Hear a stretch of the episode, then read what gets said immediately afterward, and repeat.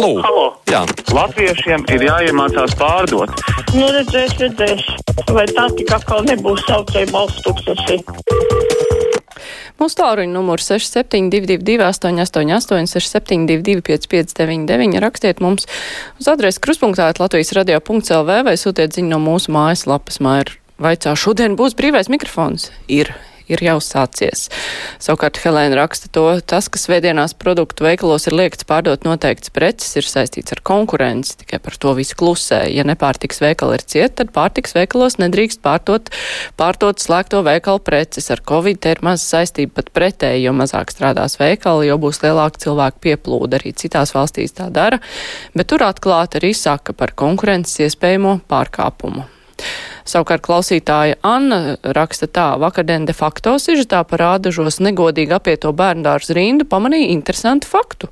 Uz māmas vēstulēm lūdzot sniegt paskaidrojumu par radušo situāciju, pašvaldības iestāde vairāk kārt atļausies atbildēt, ka tai nav pienākumu skaidrot notikušo vārtu, sakot smalki pasūtīja ar pamatdomu, ka iedzīvotājiem nav tiesība interesēties par domas darbībām.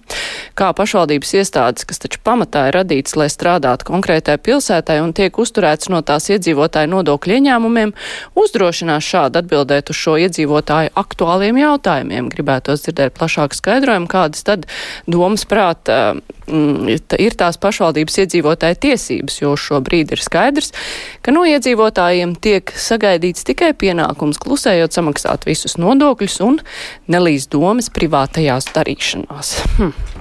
Es teikšu tā, ka pašvaldībai, nu, pēc manas saprašanas, ir pienākums sniegt atbildi. Uh, vienalga, jā, uz šiem jautājumiem katrā ziņā. Un katrā ziņā nu šis ir tieši tas gadījums, kad būtu jāsniedz atbilde. Es arī skatījos to sižetu, un manuprāt, tā ir tikai atrunāšanās. Nu, klausītājs mums zvana. Halo! Halo! Labdien! Labdien! Vai tas brīv mikrofons? Brīvs un mikrofons. Jā. Es vienkārši gribu runāt, kāpēc jūs visu laiku runājat par Covid, uh, Covid, Covid, Covid. Šitas tiešām ir kodola karš. 78. gadā tas tika izdomāts, izgudrots, jo cilvēki tajā laikā bija cilvēki padomu laikos, kas cīnījās pret kodola ieročiem, un viņiem tika dots uzdevums nu tad dodiet vietā kaut ko. Un te nu tas rezultāts ir. Mm -hmm. Jā, nu labi, paldies par viedokli. Vēl klausītājs Zana Halā. Uh, labdien! Labdien! Naktī uz svētdienu man pienāca ziņa. Man tas pārāk kaitina, bet es tomēr vienmēr pastos, ja kāds svaigs. Izrādījās, ka Čoms no Kanādas nebija spējis noturēties un atstūt, atstūtīt saiti par manifestāciju Džordžijas statu valdotas lidostā, kur piedalījās ASV rīcības prezidents kopā ar pirmo lēdiju. Gulēt negāja, skatījos kāds minūtes 15. Nu, tik daudz krietni no amerikāņu var būt. Kādreiz bija izdevies sapulcināt Obamai, ka tas var tik atklāti nekalpoja Kremlim. Nu, man pārliecība, ka pat ja Putins izmisuma dzīvi sadūžotos un tam izdotos noslapkot Trumpunku, demonokrātiem vairs neiedzēt ovālo kabinetu kā savu sausu. Man pārliecība kļūst tikai daudz zaudēnāka. ASV ienaidnieki izkustinājuši tektoniskās plātnes. Un tagad savu nodarīšot ievais nevar izmainīt pa labu savam glābiņam. Tie, ko iedomājušies, ka sagābuši dievais bācis, izbaudīs atveseļošo makaitismu un kukluskanu uz savu sāļu, ne tikai ASV. Viss, paldies! Paldies par viedokli. Liena vaicā, cik ilgi pēc saslimšanas Covid inficētais var inficēt citu cilvēku un kad tas kļūst nekaitīgs.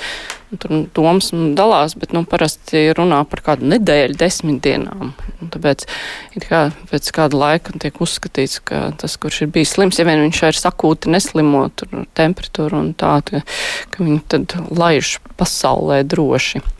Klausītājs zvana, halo! Ui, vairs nezvana. Nu, šeit zvana, halo! Labdien! Labdien! Rādio viens, jā? Jā, brīvais mikrofons. Esat ēterā jau. Uh -huh. À, paldies, jā. Uh, Sveicināt, Mārskundze, uh, cieņa jau un jums veiksim darbā. Jā, un es te gribēju dalīties tādā lietā, kad es te skatījos rād, uh, televīziju 24, ja tur Kristopāns bija eksministrs. Bijušais ministrs. Un, nu, vienkārši viņš kādreiz arī nosauca Latviju par uh, reņģēdāju tautu. Ja? Bet ko viņš māca? Viņš pats nebija nekāds ne basketbolists, ne politiķis. Nu, paldies par uzmanību. Mm. Paldies par zvanu. Sandrs vaicā, kāpēc netiek ziņots par izrakstītiem sl no slimnīcas? Ziņo, regulāri ziņo gan par tiem, cik ir aizvēstas slimnīcas, gan par to, cik ir izrakstīti no slimnīcas. Tā klausītājs zvana. Halo! Labdien! Es par to akciju, ko te mēs nepārtraukti runā, dzirdam, runājam ik pēc 10-15 minūtēm, ka tur ziedojiet sievietēm, kas cietušas no vardarbības. Es domāju, ir pietiekami daudz jau informēta sabiedrība, arī sievietes, protams, ka, ja gadījumā kas tam līdzīgs notiek, jāsauc ir policija, un policija pašu varmāku izolēs. Viņa pavēlēs viņam pamest mītni, pat tad, ja tas dzīvoklis būs privatizēts uz viņa šī varmākas vārda. Un kur viņš liksies, tā būs viņa problēma. Ja nav nevienā ne rada, ne drauga, lai iet dzīvot uz sociālo patversmi, bet sievietei nav jāiet prom un nav jāslēpjas, ja viņai kāds uzbruk. Tas taču ir tik pašsaprotami. Cita lieta, ja varbūt viņa kaut kādu iemeslu dēļ to varmāku mīl un nevēlas par viņu ziņot policijai, nu tad tā jau ir viņas problēma un viņai tad arī pašai ar to jātiek galā citiem. Tad par viņu nav jārūpējas, ja viņa nevēlas, lai viņu aizstāv likumīgā ceļā. Bet man aizdomas, ka te ir vienkārši tāda naudas savākt to. Mēs jau redzam, kas aiz tā stāv Baltika un visi citi sorosieši un vai tik tiešām tā nauda sievietēm aizies. Es baidos, ka viņi tā kabatā savu to visu neiebās. Tā ir tāda netkīta afēra, manuprāt. Paldies par uzmanību. Mm -hmm. Mums ir kārtējā versija. Savukārt Jānis raksta, nē, nu visādas sazvērstību teorijas bija dzirdētas, taču versija par kodolkaru Jāni patiesi uzraut, uzjautrināja pa seniem laikiem. Tā klausītājs mums zvana. Halo! Jā, labdien! Nu, bet, protams, par uh, vakardienas šo akciju, jā, iekaviņos. Es kā rīktīgs uh, audzērējs, jā, ne, laba, laba ziņa, ne? es iepirkos, jā, protams, bet cik naivi skanēja tāda doma, ka, protams, kā uh, sabiedrība sadalīsies, ja es konceptuāli tagad pateikšu, jā, ļoti svarīgi, uh, sabiedrība sadalīsies uz tā sau, saucamiem uh, vientulī, vientulīgiem alkoholiciem, kuri par sevi parūpēsies. Bet mē, mums taču visiem ir draugi, un draugi, protams, atvilksies vesela čupa, jo zinot, ka cilvēks par sevi parūpējas. Un tieši otrādais efekts būs, ka kāds nopirks divus blokus alu vai nezinu, kas te ar, ar, ar šņābi, ja, un tad visi pārējie kaimiņi un draugi pie viņiem vilksies. Nu, būs otrādais efekts. Tā kā muļķīgi mazliet tas izskatās. Jāpalda. Bet man pietika, jā, es kā, es kā vienmēr notruku, bet tas nenozīmē, ka piekdienu visu tas desmit buņģes izdaru. Jā, es vienkārši to vilku laiku un visu. Jā, paldies visam veselību. Jā. Mhm. Paldies jums ar veselību. Arvis raksta reizes iesaistījos, lai savāktu kaimiņu varmāku. 23. policijas savāca, 10.30 no rīta bija atpakaļ, pazuda interesi iesaistīties. Jā, bet, nu, es tomēr uh, saku, labi, ka jūs iesaistījāties. Varbūt tomēr vajag vēl to darīt un sekot, jo grūti jau pateikt, kāpēc tad varmāka bija atpakaļ. Un tā ir liela problēma gan tas, ka Jā, sievietes nevienmēr arī tīri emocionāli, ja tā ir sieviete, kur, pret kuru ir bijis farmācīgs vīrietis, ka viņa nevar palaist vaļā un tā kā piedod. Un tur ir tādas dziļas psiholoģiskas problēmas. Bet tāpat ir jāiesaistās un nevajadzētu nolaist rokas, domājot par šo problēmu. Un Dīna raksta, vai Krievija ir vienīgā, kur sāk uz Covid vakcinēšanu, vai Lielbritānija nesāk arī? Tā Rasma raksta meli, neziņo par veselajiem, tikai mazus skaitļus nosauc, tāpēc jau visādi gobzemisti var manipulēt ar dumjākiem prātiem. Nu, nosauc, jā, mazus skaitļus, un tos, kas ir izrakstīti par veselajiem, tur var sākt rēķināt, ka pienāk ziņas par to, ka tas cilvēks skatās vesels no ģimenes ārsta, kur arī pārslogot un nevar visu ziņot, nu, tad tur var apkopot to informāciju.